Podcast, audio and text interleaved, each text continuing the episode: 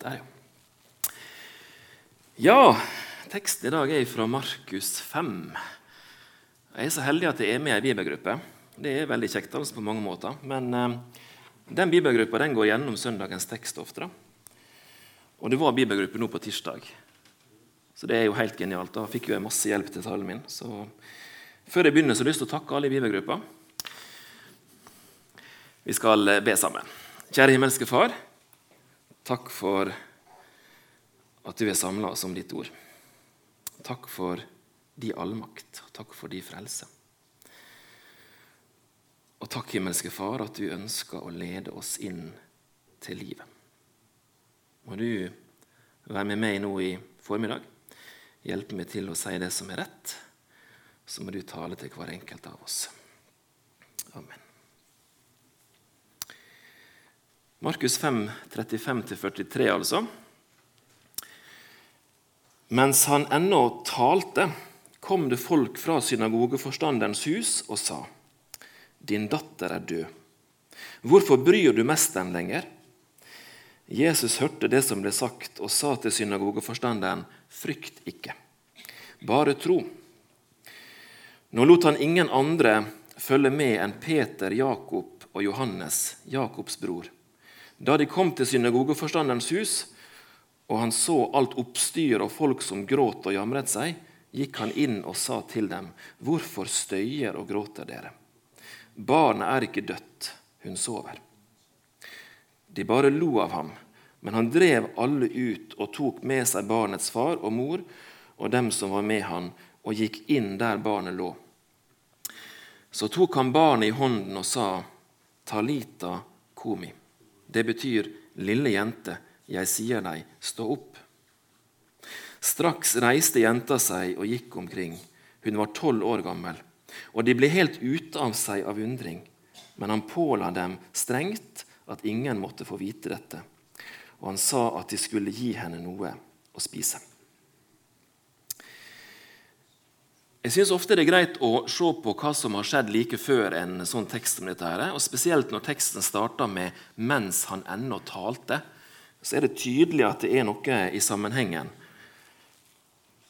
Og Det kan se ut som dette her er en ganske hektisk periode for Jesus og disiplene. Jeg vet selvfølgelig ikke hvor mye Markus eh, trekker sammen. Eh, det skjedde sikkert litt ting innimellom. Men, men det som er i de foregående kapitlene, det er for det første at Jesus har talt til en masse folk. Talt i lignelser, bl.a. lignelsen om såkornet. Og Så reiser han og disiplene i båt over sjøen. Og Underveis så må Jesus stille stormen. Med en gang de kommer i land, så blir han møtt av en mann som er besatt av onde ånder. Og Jesus befrir han fra disse onde åndene, men han lar dem gå over i en griseflokk som er der. Og Den griseflokken styrter på sjøen og drukner. 2000 griser som styrter i sjøen og drukner. Ganske spesielt syn, vil jeg tro. Og Så reiser de over sjøen på nytt. Og Da møter de altså denne synagogeforstanderen, eh, som eh, har ei datter som ligger for døden. Og Når Jesus går med han for å hjelpe til, så er det ei kvinne som har hatt blødninger i tolv år, som tar på kappa til Jesus, og så blir hun helbreda. Og Like før den teksten som vi eh, leste, så har altså Jesus henvendt seg til denne kvinna og så har han sagt, 'Din tro har frelst deg, datter. Gå bort i fred.' Jeg skal se. Ja, du skal være frisk og kvitt plagene dine. Og Før han altså er helt ferdig med å si dette til denne kvinna som har blitt frisk, så kommer det altså folk fra huset til denne synagogeforstanderen og sier det at dattera di er død. Alt håp er ute. Det er ikke noe vits i å bry Jesus lenger. Nå er hun død.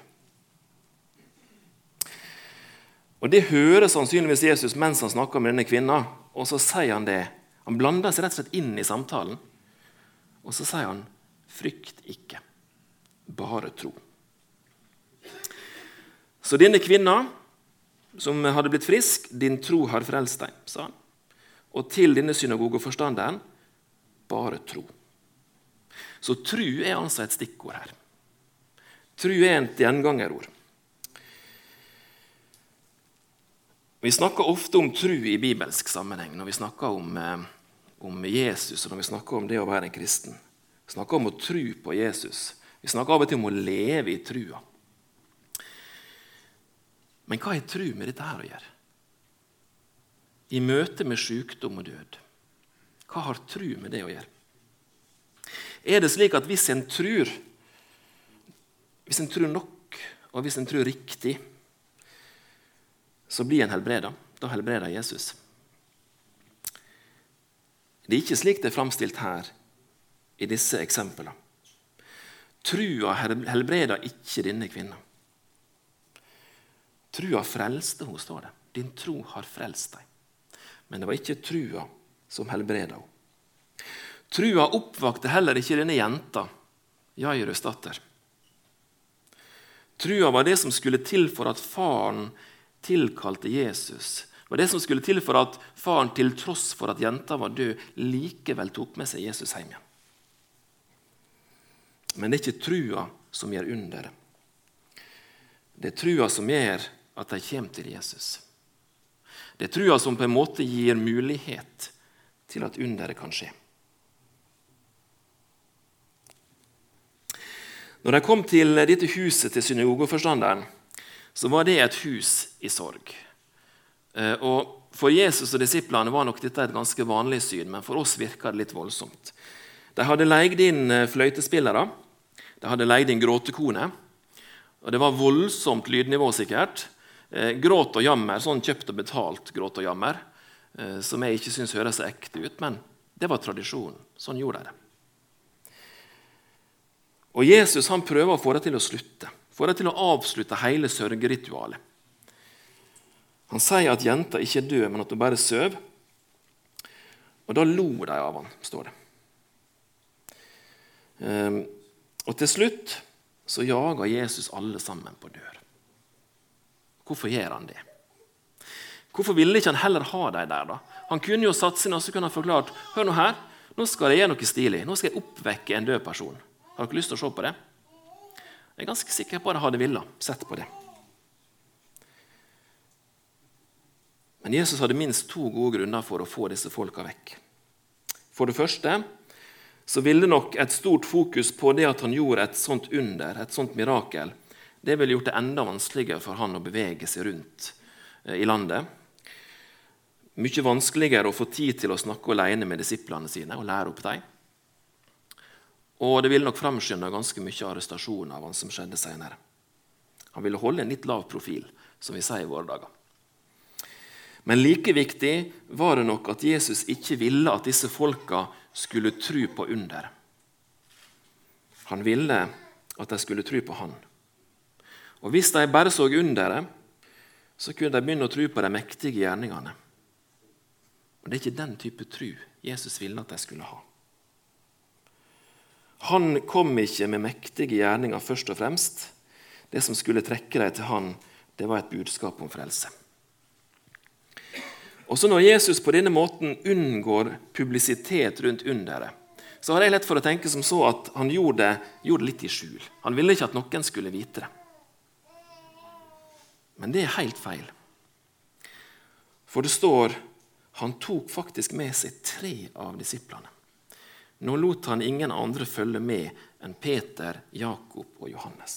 De tre, selve kjernetroppen blant disiplene, de tok han med seg. Hvorfor gjorde han det? Jo, for de skulle se. Jesus hadde ikke noe ønske om å skjule underet for de som sto han nær. De som hadde utmerka seg, ikke ved at de var veldig tøffe eller veldig flinke eller veldig eh, dyktige, men de hadde stor tillit til Jesus. De fikk være med. De skulle se under det. Og Jeg er ganske sikker på det at hvis soverommet til denne jenta hadde vært større, så hadde Jesus tatt med seg alle tolv disiplene. Men det var sikkert praktisk vanskelig å få til. For de som trodde, de skulle få oppleve underet. De skulle få oppleve Jesus sine mektige gjerninger. Ikke for at de skulle begynne å tro, men fordi de allerede trodde. Og Slik er det også i dag. Du som lever med Jesus, det er ingen grunn til at du ikke skal oppleve store ting i ditt liv. Jesus ønsker å vise deg litt av sin makt. Denne mannen han, eh, som ba Jesus eh, om hjelp, han var altså synagogeforstander. Han hadde den høyeste stillinga som noen kunne ha i synagogen. Han var sannsynligvis ekstremt rik og veldig mektig. Og Han kom til Jesus og ba om hjelp. Det er ganske spesielt. Jesus han var jo svartelista nesten i synagogene. De jødiske lederne likte jo ikke Jesus. Og Jairus han var nok heller ikke en veldig stor fan av Jesus. Jeg kan ikke tenke meg det. Likevel så kommer han og så ber han om hjelp. Det eneste barnet hans var sjuk, holdt på å dø. Han trengte hjelp. Og Da legger han vekk stoltheten sin, og så prøver han alle muligheter for å redde henne. Dette med stolthet det er det sikkert flere enn meg som er plaga med. Mange av oss har mye stolthet, og det sitter veldig veldig langt inne å spør noen om hjelp. Og Hvis vi i tillegg skulle be noen som vi egentlig ikke liker, om å hjelpe oss Nei, det sitter veldig langt inne. Og så står det i Bibelen be, så skal du få. Og jeg tror en del av oss må legge vekk litt stolthet, legge vekk litt beskyttelsesmekanisme. Vær litt ærligere om livet vårt overfor Jesus. Hvis ikke så kan vi gå glipp av mange gode gaver. Hvis Jairus hadde tenkt som så at kan hende Jesus kunne hjelpe, men jeg vet jo det ikke. Og det er for flaut å gå og spørre. Ja, så hadde jenta dødd. Hun hadde vært død. En liten detalj til før vi begynner på det som er det aller viktigste i teksten. Jesus sa helt på slutten her nå at de skulle gi denne jenta noe å spise. Veldig merkelig. Nå er det veldig mange foreldre. Jeg vet ikke hvor mange av dere som trenger påminnelse om å gi ungene mat. Jeg tror ikke det er veldig mange. Så det må være et eller annet Jesus mener med det. At skulle, han påla dem strengt at ingen skulle få vite det, og han sa at de skulle gi henne noe å spise. Sånne små detaljer er jo ofte mange fortolkere som syns er spennende å jobbe med. og Det er mange teorier som har kommet på det. Eh, mange lure folk har brukt mye tid på det. Og En tolkning som jeg har lest, det er at det å lage til et måltid mat er jo noe praktisk og forholdsvis enkelt. Og Disse foreldrene hadde altså opplevd ganske store svingninger i følelsene de siste timene. Jenta hadde vært syk, jenta døde og ble levende igjen. Det kan jo ta knekken på hvem som helst. Så det å gi dem sånn praktisk gjøremål Eh, det kunne jo hende var Jesus sin tanke bak at de skulle gi henne noe å spise. Men den kanskje mest sannsynlige grunnen til at Jesus sa det, er at Jesus på den måten symbolsk gir denne jenta tilbake i foreldra omsorg. Nå har han ført henne tilbake til livet. Hun har fått livet i gave med han, og nå er det foreldra som skal ta seg av henne. De skal gi henne mat og alt det andre som hun trenger. Denne jenta er altså ikke eh, blitt levende igjen sånn at hun skal klare seg sjøl. Skal være overlatt til seg sjøl. Men nå er det foreldra som har et ansvar. Sånn som vi som kristne har et ansvar for medkristne. Enten de nettopp har blitt kristne, eller de har vært kristne lenge. Dette ansvaret om å, å gi hverandre mat Det tror jeg er viktig. Det er tre tilfeller i Bibelen der Jesus oppvekker døde. Det er enkesønnen i Nain. Det er når han oppvekker Lasarus. Og så er det altså denne Jairus' datter, som vi har lest om i dag. Og Jeg har ofte lurt på hvorfor fikk akkurat disse tre livet tilbake? Hvorfor ikke noen andre? Når Jesus kunne oppvekke døde, hvorfor, hvorfor begrenser han det da? Selvfølgelig kan det hende at han eh, oppvekte flere som ikke står om i Bibelen. Det vet ikke vi. Men eh, det er i hvert fall helt tydelig at mange døde på Jesus' tid. Mange var syke uten at Jesus oppvekte eller gjorde dem friske. Hvorfor helbrede noen, men ikke alle? Og Så vet vi også i dag at helbredelse skjer. Men de fleste av oss blir ikke helbreda. Og Slik var det når Jesus levde også. Mange ble helbreda, men de fleste ble ikke. Og Hvorfor er det slik? Hvordan er Jesus sin utvelgelse? Mange har kjempa med sånne spørsmål, og det enkle svaret på det er at det veit ikke vi. Og jeg tror kanskje at vi aldri kommer til å få vite det. Men Jesus i sin allmakt, han veit noe som vi ikke veit. Han veit grunnen til at han handler som han gjør. Og jeg tror Om vi hadde fått en begrunnelse fra Jesus, så hadde ikke den nødvendigvis vært så mye lettere å godta. Så jeg tror vi skal hvile i det at Jesus Vi har tillit til han, og han veit best hva han gjør. Og så kan vi hvile i den tilliten til han. Det er lettere å tenke på hva som er grunnen til at Jesus tross alt oppvakte noen. Disse fortellingene er selvfølgelig med i Bibelen for å vite at Jesus har makt over døden. Det sier noe om Jesus eh, sin egenskap. Døden er ikke en begrensning for han. Når Jesus vekker opp den døde jenta, så forteller det oss at der Jesus kommer inn, der går døden ut, for Jesus er sterkere enn døden. Jesus har overvunnet døden.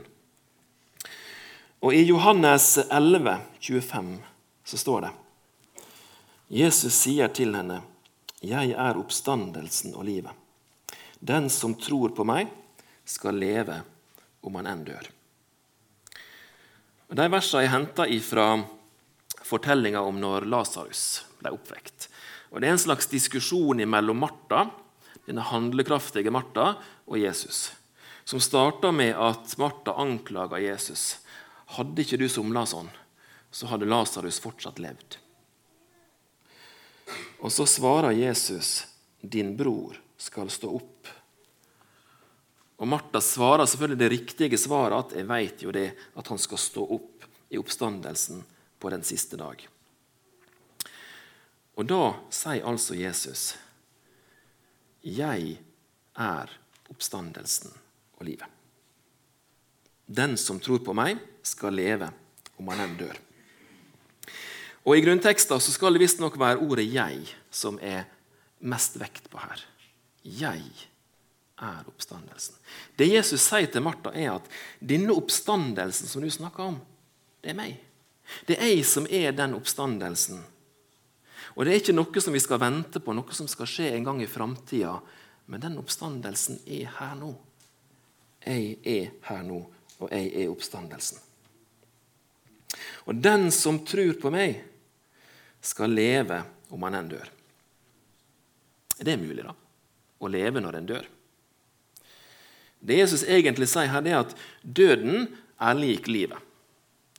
Og det er jo feil, er ikke det? Nei, det er ikke det. For Jesus han fortsetter. Vær den som lever og tror på meg skal aldri i evighet dø. For Jesus sier ikke at han er bare oppstandelsen. Han sier at han er oppstandelsen og livet. Han er også livet. Og det er et annet liv enn det som tar slutt når vi dør her på jorda. Det er det evige livet. Og Jeg har lett for å tenke slik at det evige livet det er noe som begynner når vi dør her på jorda. Den dagen jeg dør, så starter det evige livet. Men det er jo ikke riktig. For vi er jo i gang med det evige livet, vi som har tatt imot Jesus. Jesus er det evige livet. Og når Jesus er kommet inn i livet mitt, ja, så har jeg starta på det evige livet. Og når jeg dør her, så går jeg over i en ny fase av det evige livet sammen med Jesus. Men det er, ikke, det er egentlig ikke et annet liv. Og For å få del i dette så trenger vi bare å tro på Jesus. Troen din har frelst deg, sa han til denne kvinna som hadde vært syk i mange år. Og hva vil det si å tro? Det er å holde det som står i Bibelen, for sant. Det er å satse livet i tillit til at Jesus, det, Jesus, det han gjorde for meg, det er nok. Det er å satse livet på Jesus. Ei tru som frelser er ei tru som gir livet til Jesus. Å leve det evige livet sammen med Jesus allerede her på jorda, i trua på Han. Og hva skjer da? Jo, da får vi et nytt forhold til Gud. Vi får en trygghet for at Gud tilgir. At Han gir nåde. Gud er ikke lenger en Gud som dømmer, en farlig Gud. Men han er en Gud som frelser, en Gud som tilgir, en Gud som gir liv. Noen sier at som kristen så trenger ikke du å være redd for døden. og det er nok sånn objektivt sett riktig, men, men, jeg tror ikke det er lett for et menneske å ikke være noe redd for døden. Men det er ikke det det handler om. En kan være redd for ting som ikke er farlig. Jeg er redd for kvepser, f.eks., men vet jo at det ikke er farlig. Vi er ofte redd for døden, men, men for den som lever nær Jesus, så er døden ikke farlig. Den er helt ufarlig. For Jesus har overvunnet den. Og Når vi tror dette, så får vi et nytt forhold til livet også. Ikke bare til Gud og til døden, men også til livet. Livet er ikke lenger mitt liv. Det er ikke lenger et liv som jeg må gjøre det beste ut av. Jeg har ikke lenger et ansvar om å streve mest mulig for å lykkes. Prøve å oppnå et best mulig liv. Nei, livet mitt er Jesus. Og mitt liv sammen med Han det begynner ikke når jeg dør, men det begynner her på jorda. Og Det gir en glede og en trygghet. Å ikke bare leve for seg sjøl, men å leve for Jesus. Og når døden en dag kommer, ja, så fortsetter livet sammen med Han.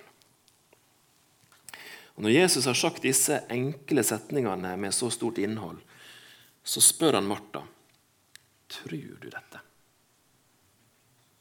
Tror du dette? Og Martha hun svarer ja. Og så er dette egentlig det eneste viktige spørsmålet. Det er det eneste spørsmålet som er viktig for deg og for meg også. Tror du dette? Vil du leve livet sammen med Jesus i tru og tillit til det som han har gjort?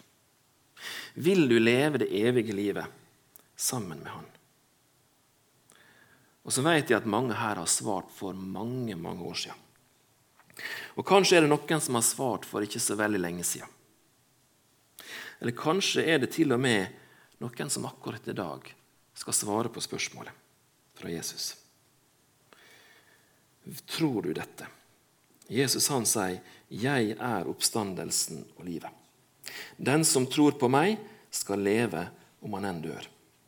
Og hver den som, meg, som lever og tror på meg, skal aldri i evighet dø. Tror du?